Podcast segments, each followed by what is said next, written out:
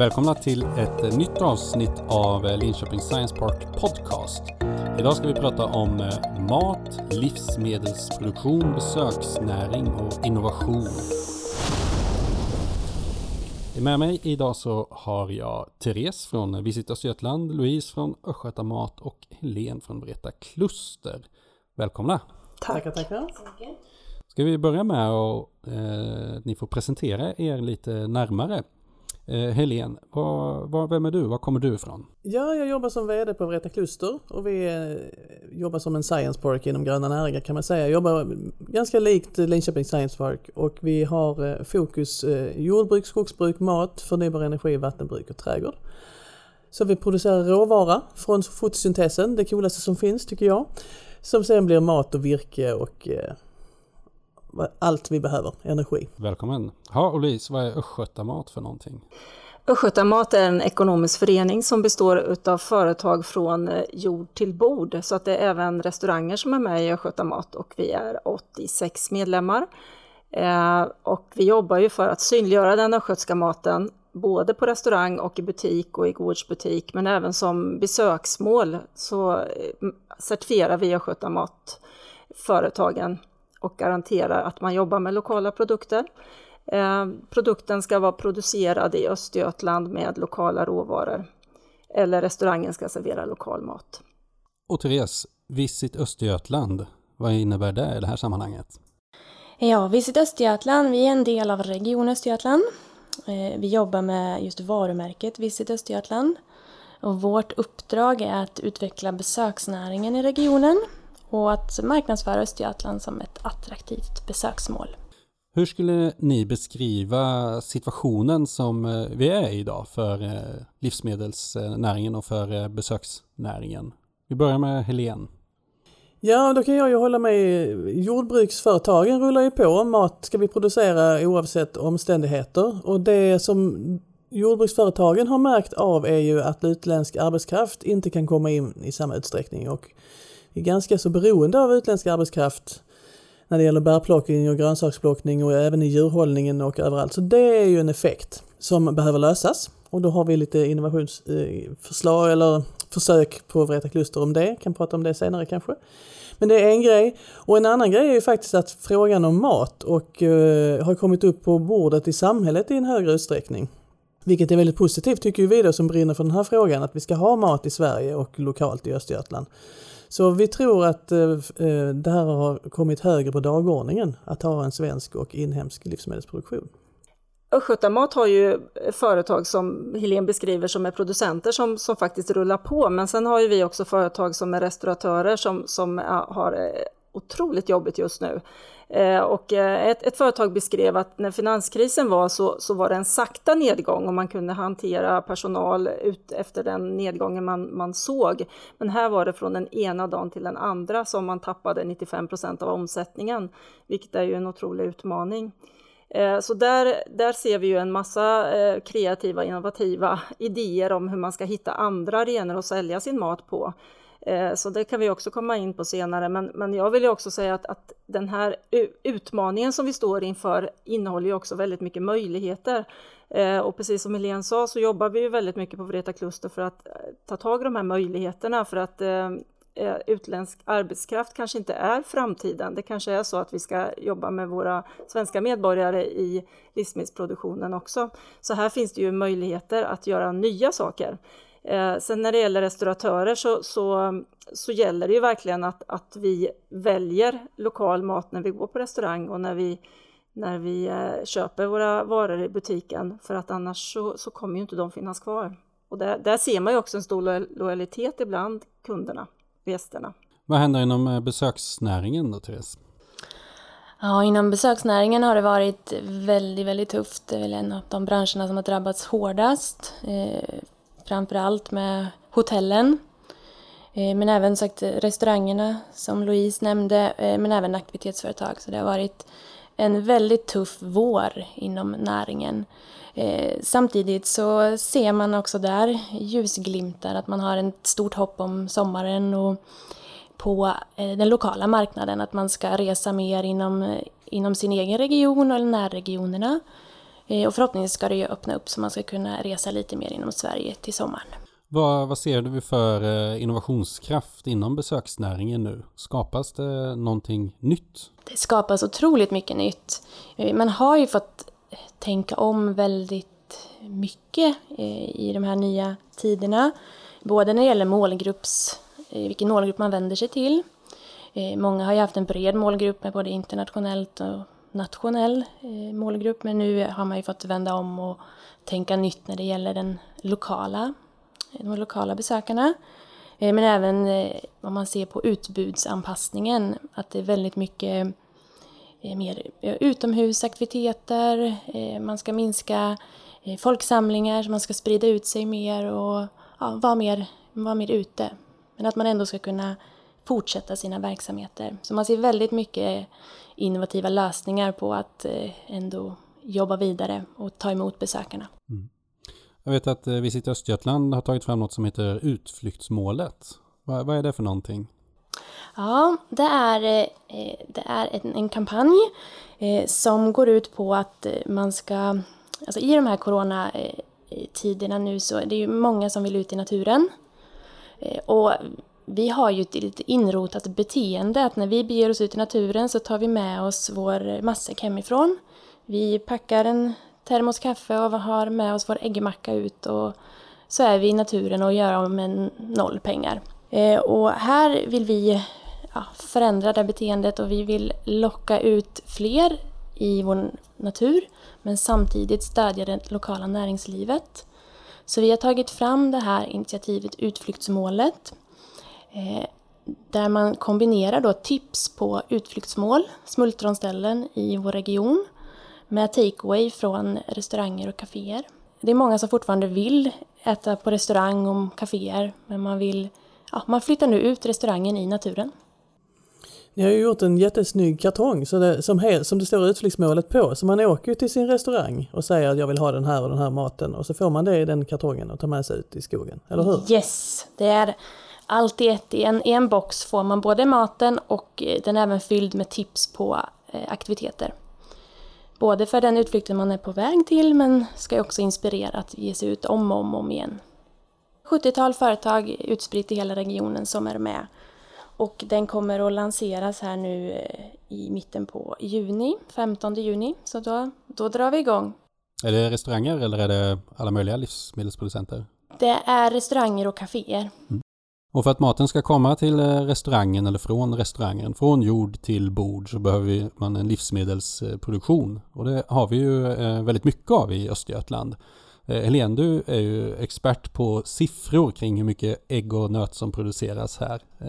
Hur ser det ut i Östergötland egentligen? Ja, jag kanske inte är en expert, men vi har i alla fall mätt lite grann. Eftersom vi har ansvar för den regionala livsmedelsstrategin så har vi mätt lite hur mycket producerar vi i Östergötland. Och Östergötland är en kornbod, en av tre större i Sverige, Skåne, Västergötland, Östergötland och sen har vi ju Mälardalsslätten. Men vi producerar 30% av alla ekoägg i Sverige till exempel. Vi är jättestora på, på höns och ägg och fjäderfä. Vi producerar, jag tittar här i mina siffror här, fem gånger mer griskött än vi, vi konsumerar i Östergötland. Vi producerar eh, dubbelt så mycket mjölk som vi konsumerar och så vidare. Så det är, vi är en kornbod för Sverige kan man säga. Och de eh, livsmedelsflödena går ju både nationellt och internationellt. Det säger väl någonting om att vi har en stor råvaruproduktion. Sen har vi ju förädlande företag, både större och mindre. Eh, alltså det, både Arla och Scan ligger ju här till exempel. Eh, som är stora eh, aktörer och så har vi mindre. Och där drömmer ju vi om att det ska komma ännu fler i mellanstor eh, skala och kategori. Det finns ju lite mindre aktörer som är medlemmar i Östgötamat till exempel. Precis, vi har, vi har ju både små och stora medlemmar mm. eller företag i och för sig, men, men det som vi behöver är ju fler som förädlar våra råvaror, för de här produkterna är ju kanske svåra för konsumenten att hitta. Man kan ju titta på svenskmärkning så kan man, har man nog fått östgötska råvaror i sin korg också. Men det är ju, det är ju ganska viktigt också att, att eh, ha en ursprungsmärkning på, på flera varor än, än mjölk och ägg och eh, mejerivaror då. Eh, så, så där jobbar vi väldigt eh, aktivt för att synliggöra vilka andra producenter vi har. För vi har ju eh, både ostproducenter, även om vi har mist Boxholmsost så har vi ju andra ostproducenter i länet. Eh, Brostops hemlagade som gör ost eh, på komjölk. Vi har getostproducenter, eh, tre stycken getostproducenter. Eh, så att, och de vill vi ju också hitta enkelt i våra butiker. Eh, ett tecken på att det finns en vilja bland konsumenterna att verkligen köpa de här produkterna är att rekoringarna går som tåget just nu. Det, det startas fler och fler rekoringar och det är fler och fler som hittar varorna den vägen. Eh, men vi försöker ju också se till att det finns i den vanliga butiken och på, och i, på restaurangen och därför gör vi tillsammans med Vreta Kluster nu ett upprop där, där vi uppmanar eh, handlare att marknadsföra den östgötska maten tydligare och vi uppmanar också producenter att leverera till, till butikerna för butikerna är väldigt villiga att ta in lokala råvaror i, i, i butikerna. Eh, och det är ju ett resultat av att det finns en så stor efterfrågan från kunden. Så vad jag menar med det här att se möjligheter i corona är ju att helt plötsligt så har ju den, den vanliga Ehm, konsumenten blivit medveten och vill göra skillnad och vill handla lokalt. Och då måste vi skapa förutsättningar för det. Det ska inte vara en, en eh, jakt, en att leta efter varor i en butik, utan man ska direkt se att det här är producerat i, i Östergötland. Och där har ju vi då en, en märkning i butiken, Vippa, som hänger på hyllkanten där man talar om att det är östgötamat i den här produkten. Låter som att det finns ett stort eh, konsumentansvar där att leta efter vad man ska köpa och välja rätt på hyllorna. Ja, alltså, man måste ju vara medveten om att det jag frågar efter i butiken kommer finnas i butiken och frågar jag aldrig så kommer aldrig den, varken den svenska eller den östgötska maten finnas i butiken. Och samma sak gäller ju på restaurang också, även om jag, om jag väljer att, att köpa min, min eh, restaurangmat i matsäcksform så kan man fråga där också. Eh, för att de har också möjlighet att köpa mera lokalt förstås. Och, och eh, vi måste hjälpas åt att se till att vi skapar tillväxt i vår region så att vi får ha kvar de här eh, företagen, för de betyder väldigt mycket eh, ur ett besöksnäringsperspektiv. För landskapet skulle inte se ut som det gör om vi inte hade våra producerande företag. Det finns ju en mängd märkningar när man eh, handlar idag. Eh, du nämnde en här som handlar om eh, att det är producerat i Östergötland och så finns det på mejeriprodukter står det ofta, eller kanske för sällan, att det är mjölk från Sverige. Och ibland står det att osten är producerad i Sverige, men det är lite oklart om mjölken är från Sverige då och så vidare. Och så eko eh, på olika varianter och EUs märke och sådär. Vad ska man, eh, vilka är liksom topp tre som man ska spana efter? Eller vilka är viktigast tycker du? Eh, jag tycker förstås att östgötamärkningen är viktigast eftersom jag jobbar och, och, försöker synliggöra den. Men svenskmärkningen är ju jätteviktig också eh, och att man ska se att, att eh, producerat av svenska råvaror är ju viktigt att det står, för annars så kan det ju vara så att den är producerad i Östergötland eller producerad i Sverige utan att det är på svenska råvaror. Eh, och där ser vi ju, alltså tittar man på vegoprodukter så är det väldigt, väldigt sällan som det är producerat på svenska råvaror och där har vi ju en utmaning att få fram råvara till den produktionen.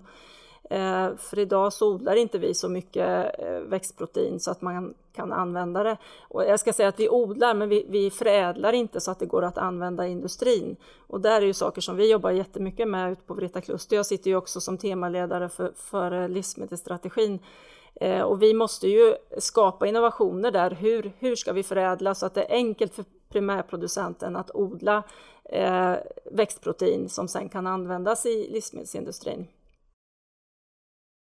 Ja, jag tänkte där, för klimatet sätter ju gränser. Vi är ju, bor ju i ett väldigt nordligt land. En tredjedel av Sveriges eh, areal, jordbruksareal är bevuxen med gräs. Så betesdjuren är ju superviktiga i svensk matkultur, för vi har gräs liksom.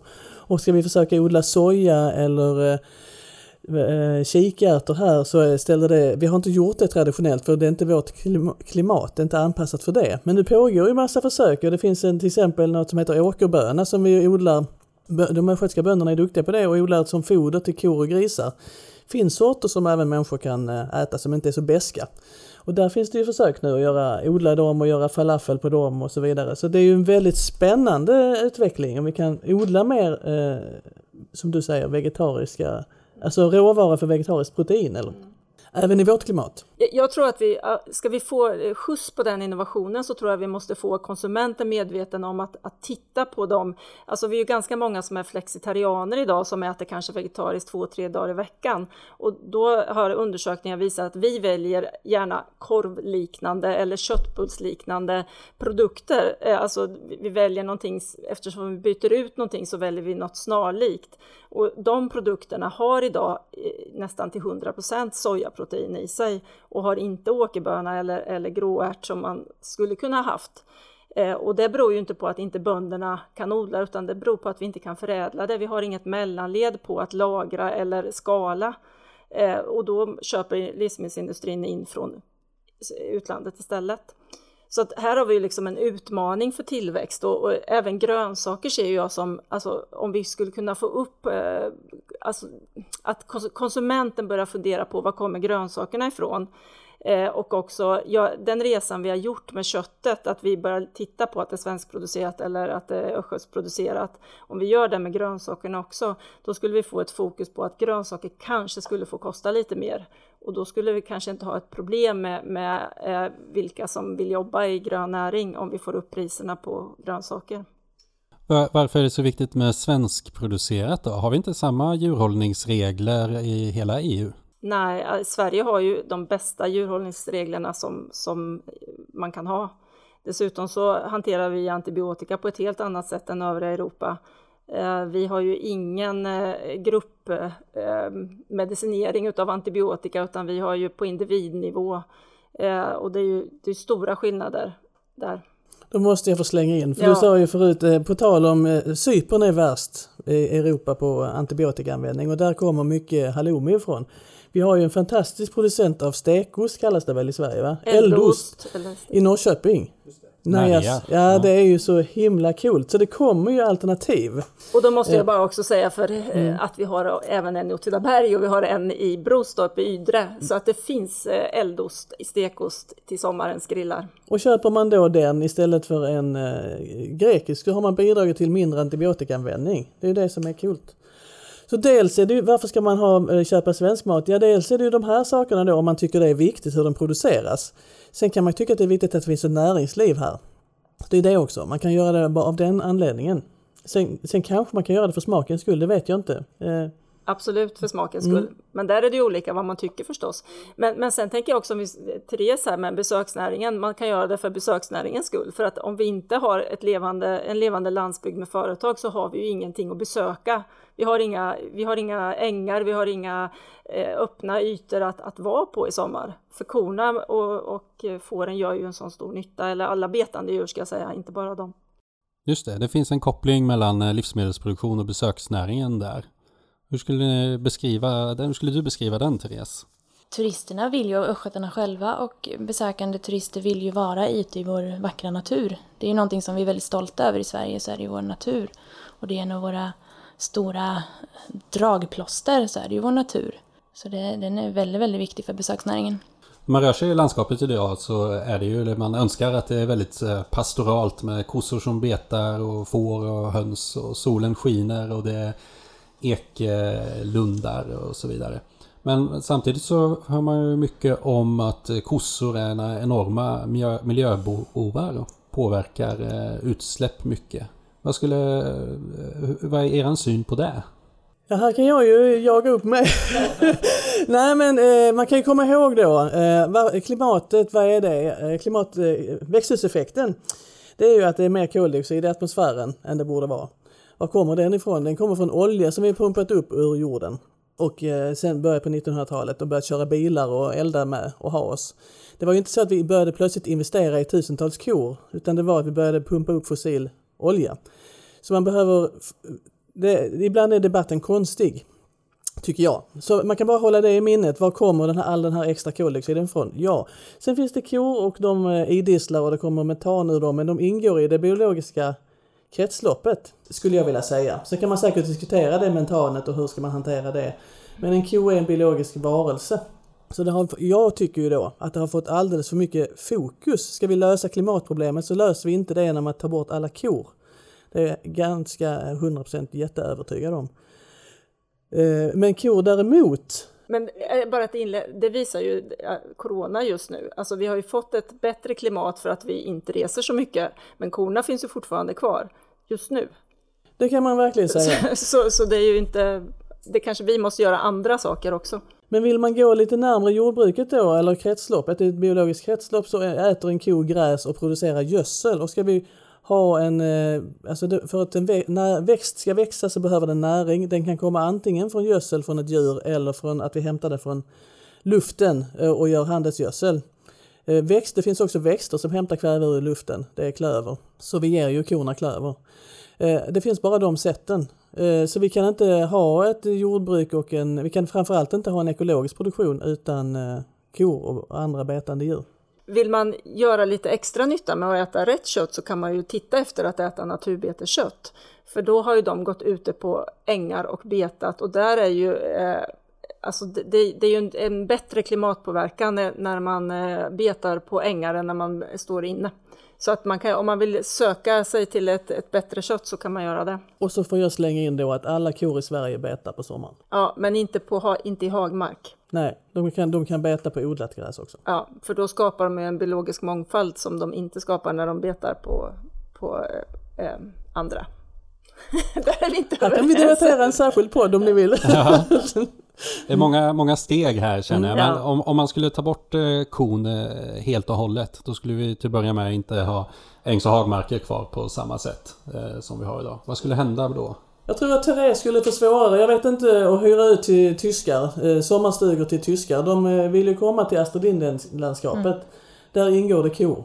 Det är de som har betat hagarna i Småland. Det är mm. de som har betat skogarna i Tinnerö och i, i Småland. Alltså det, det, är därför det finns, eh, alltså det finns faktiskt lika mycket arter, har jag läst, nu är inte jag en expert, men jag, att arter i en betad äng som i Amazonas. Alltså det finns en otrolig artrikedom. Och det är mularna Kolinlagringen är ju, är ju stor på betande ängar också. Ja.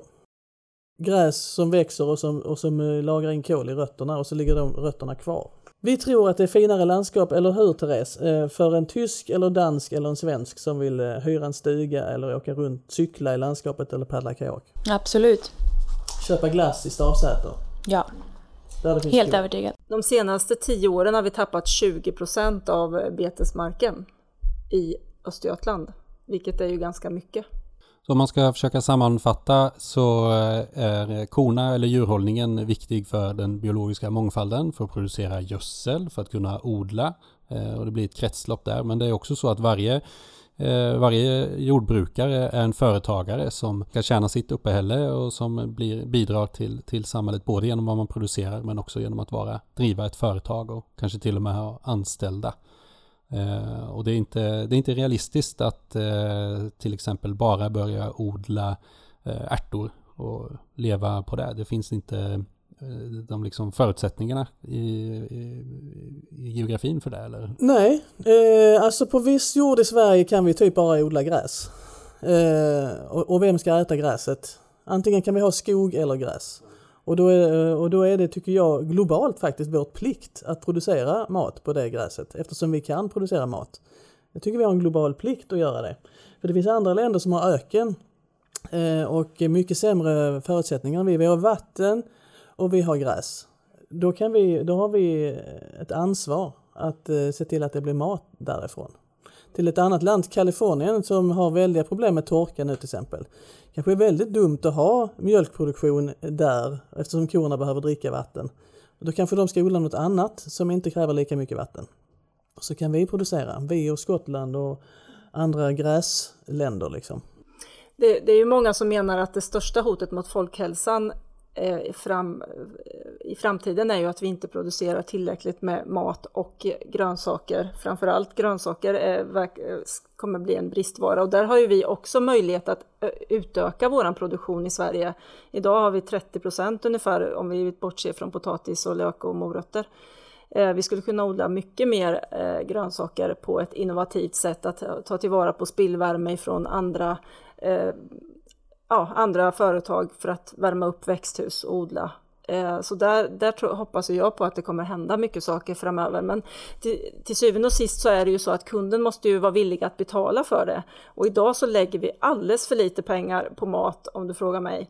alltså 13-14 procent av disponibel inkomst på mat, eh, då kan vi inte ha de här fantastiska företagen som vi har i Sverige.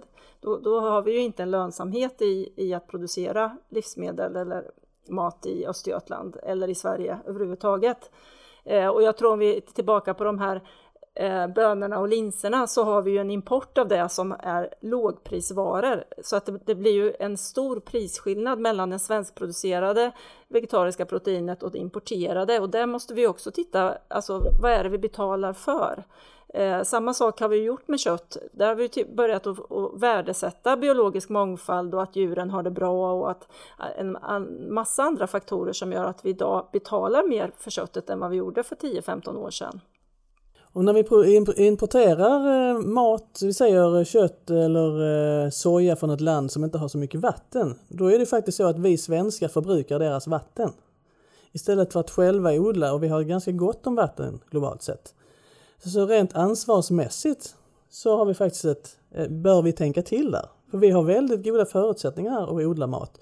En annan grej är ju, eftersom vi har vinter så dör skadegörare. Eh, och då behöver inte vi ha lika mycket växtskyddsmedel som man behöver i ett eh, varmare land. Jag tror LRF har tagit fram siffror att 70 procent av miljöpåverkan på mat ligger utanför våra gränser, alltså helt omöjligt för oss att påverka.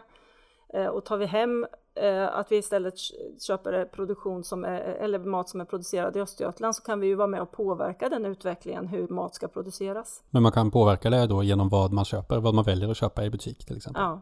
Eller i rekoring eller bondens marknad? Eller gårdsbutik och så vidare. Ja. Om vi tittar eh, framåt då, vad, hur ser eh, livsmedelsindustrin och besöksnäringen ut i framtiden när vi befinner oss i en, eh, en ny normalsituation efter där vi befinner oss nu? Va, vad händer? Jag tror att de här frågorna är på många människors agenda nu. Många fler människor, efter, efter corona så har många fler börjat engagera sig. Så jag tror vi kommer att få se massor med affärsutveckling och innovation faktiskt. Alltså från andra aktörer än de som kommer från själva produktionen. Det kan bli väldigt spännande tror jag. Jag tycker vi i Östergötland skulle ta riktig flagga när det gäller krisberedskap. För vi kan, eh, ni på Mjärde, eller eh, Linköping Science Park jobbar ju med säker IT till exempel, Det är väldigt viktigt krisberedskap. Vi eh, jobbar med matfrågan och vi har Cleantech Östergötland som jobbar med förnybar energi. Vi har alla de här kompetenserna. Så jag bara ser framför mig att vi har väldigt mycket eh, spännande frågor att jobba med framåt. Så vi kan gå, jag tror att vi kan gå stärkta ur det som land och region. Hur är det inom besöksnäringen? Ser man några tydliga trender där kopplat till eh, digitalisering och den typen av utveckling som man ser i samhället? Eller vad är det för innovationer som man kan skåda där? Mm, jag tänker bara tillbaka till, till Helene, de pratade om lite hur, vad, som, vad man får med sig ut från det här och man ser ju inom besöksnäringen var det en trend som egentligen började redan förra sommaren och även lite smygstart redan innan det här med att eh, resa kortare bit, att eh, semestra hemma kring, mycket med, med klimat, klimatpåverkan.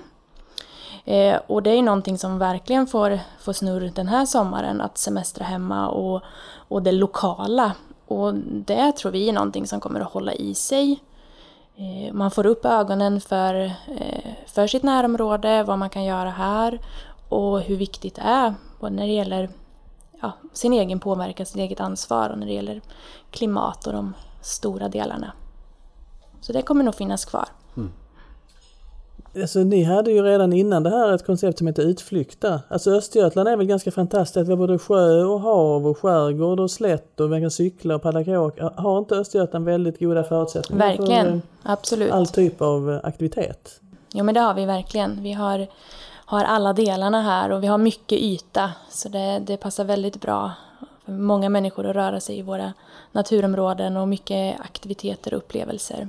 Så det, det är jättebra. Och där vill jag bara flika in att, att våra företag har ju verkligen skapat mycket yta och man har anpassat så att du kan ha drive-through-handel i gårdsbutiker och så, så att man eh, går in på både Visit Östergötlands och Östgötamats hemsida så ser man ju vad, vilka som är öppet och när de är öppet och, och, hur man kan besöka dem. Så att man ska ju inte vara rädd för att åka till våra företag och även om, om man känner att man inte vill träffa människor så löser ju våra företag det ehm, det finns mycket att se och uppleva. Inom eh, besöksnäring och eh, resor och turism har det ju skett en jättestor omvandling på senare år eh, när det kommit nya digitala tjänster som Airbnb och resande med Uber och allt vad det är. Och man ser ju det kommer liknande lite på, livs, eller på, eh, ja, på livsmedelsproduktionssidan också och skogsnäringen med Skira och virkesbörsen och den typen av marknadsplatser. Ser man samma utveckling eh, hos, eh, för konsumenterna på när man ska handla mat? Kommer det att komma smarta digitala lösningar som gör att jag enkelt kan få den där getosten som jag vill ha? Eller är det rekoringarna som gäller då? Nej, alltså vi tittar ju på lösningar ihop med butikerna där, där man skulle kunna eh, beställa sin östgötska kasse ihop med den andra kassen. Eh, så där hoppas ju vi att, att vi kan få till lösningar. Just nu finns inte den lösningen, men, men vi har idéer om hur det skulle kunna lösas. Så att det, det kanske i spåret av det här kanske det går fortare. Det kommer ju innovatörer som hittar på grejer också. Vad heter han nu som har gjort automat? Alltså en, en butik i Ekängen, en ung kille. Emil, jag glömmer det. Ja, jag glömmer också. Han har i alla fall skapat en affär som är obemannad där man loggar in med sitt bank-id tror jag och sen handlar man. Det är ju en innovation, en digital innovation som kan bli en revolution faktiskt för handeln. Mm. Och det har börjat spridas inom besöksnäringen också, finns ute, på, ute i skärgården och så finns det sådana typer av butiker. Och, och, man kan väl säga att Rekoringen som nu växer som 17 i Sverige bygger på att man säljer på Facebook eller man, eh, man gör upp affärerna där på en digital plattform som redan fanns. Mm. Så den, har ju, den plattformen har ju möjliggjort att, att Rekoringarna finns. På så vis kan man ju hålla den där 50 personers distansen för, för eh, eller vi ser ju Bondens egen marknad vet vi ju idag inte om vi kan köra till hösten eh, eftersom vi har den här med 50 personer. Så vi måste hitta lösningar på på hur vi kan eh, jobba med en marknad som, som där begränsningen är 50 personer. Inom besöksnäringen där jobbar man ju mycket med att man får alltså förbokade besök och man har tidslottar som man får, får, får komma på just för att sprida människorna och göra det säkrare. Om ni skulle ha tre önskemål till eh, konsumenterna eller till de som eh, lyssnar på det här. Vad skulle ni vilja att de gjorde i sommar? Jag skulle säga att alla mina tre handlar om att semestra hemma, eh, köp utflyktsmål, bege er ut i naturen, gynna det lokala näringslivet, eh, bo över, nyttja våra fantastiska boendeanläggningar som finns. Eh, och hyr cyklar, kajaker, ja, aktivera er. Mina tre är besök gårdsbutiker, besök lokala restauranger, fråga efter den lokala maten, när du är i butik, leta efter och matmärkningen. Och eh, gå in och kolla på rekoringarna. Var är den närmsta rekoring? Och kom ihåg att allt det här, det är faktiskt lite akut. Vi sitter här och är innovativa och hoppfulla, men alltså företagen behöver verkligen det här som eh, Therese och Louise säger, för de eh, försvinner annars. Så eh, jag vill bara säga det, det handlar om jobb och tillväxt i Östergötland. Så det är jätteviktigt och det är en typ av kritisk fas nu. Alltså corona har pågått en liten stund kommer säkert att pågå i höst. Än så länge finns hoppet kvar liksom. Men eh, så jag vill bara säga, understryka att det här är superviktigt. Så handla svenskt och östgötskt säger jag då, så gör ni stor skillnad. Och ett eh, tillfälle då man inte bara kommer att få eh, möjlighet att avnjuta östgötska delikatesser utan också träffa och prata många av dem som driver utveckling och innovation här i regionen. Det är ju på ett event om några veckor här Helene. Vill du berätta lite om Picnic in the Park? Ja, 25 juni. Det är ju Linköping Science Park. Ni brukar ju ha en sommarlunch eh, och i år är den coronasäkrad och har därmed blivit en picknick med tipsrunda och ett tidsslotter som eh, Therese pratade om. Man bokar en tidslott, anmäler sig eh, när, man vill starta. Man går en tipsrunda där man får lära sig mer om gröna näringar och techbolag. Och sen så serveras utflyktsmålet. Och så har man med sig en picknickfilt och så äter man lunch ute i, i parken här. Och man får också träffa eh, besöksnäringsföretag som kommer hit med sina erbjudanden. Det låter ju utmärkt det. Under de tre åren jag har jobbat här i parken så har det alltid varit strålande solsken just den dagen. Så det kommer att bli en fantastisk dag. Hörde ni, eh, idag är det torsdag varannan vecka så ikväll ska jag iväg i alla fall och hämta mjölk från eh, gård eh, som vi brukar göra på Rekoringen hemma där jag bor. Det ser jag fram emot och just nu ser jag fram emot det extra mycket. Eh, stort tack för att ni eh, tog er tid att komma hit. Tack så mycket.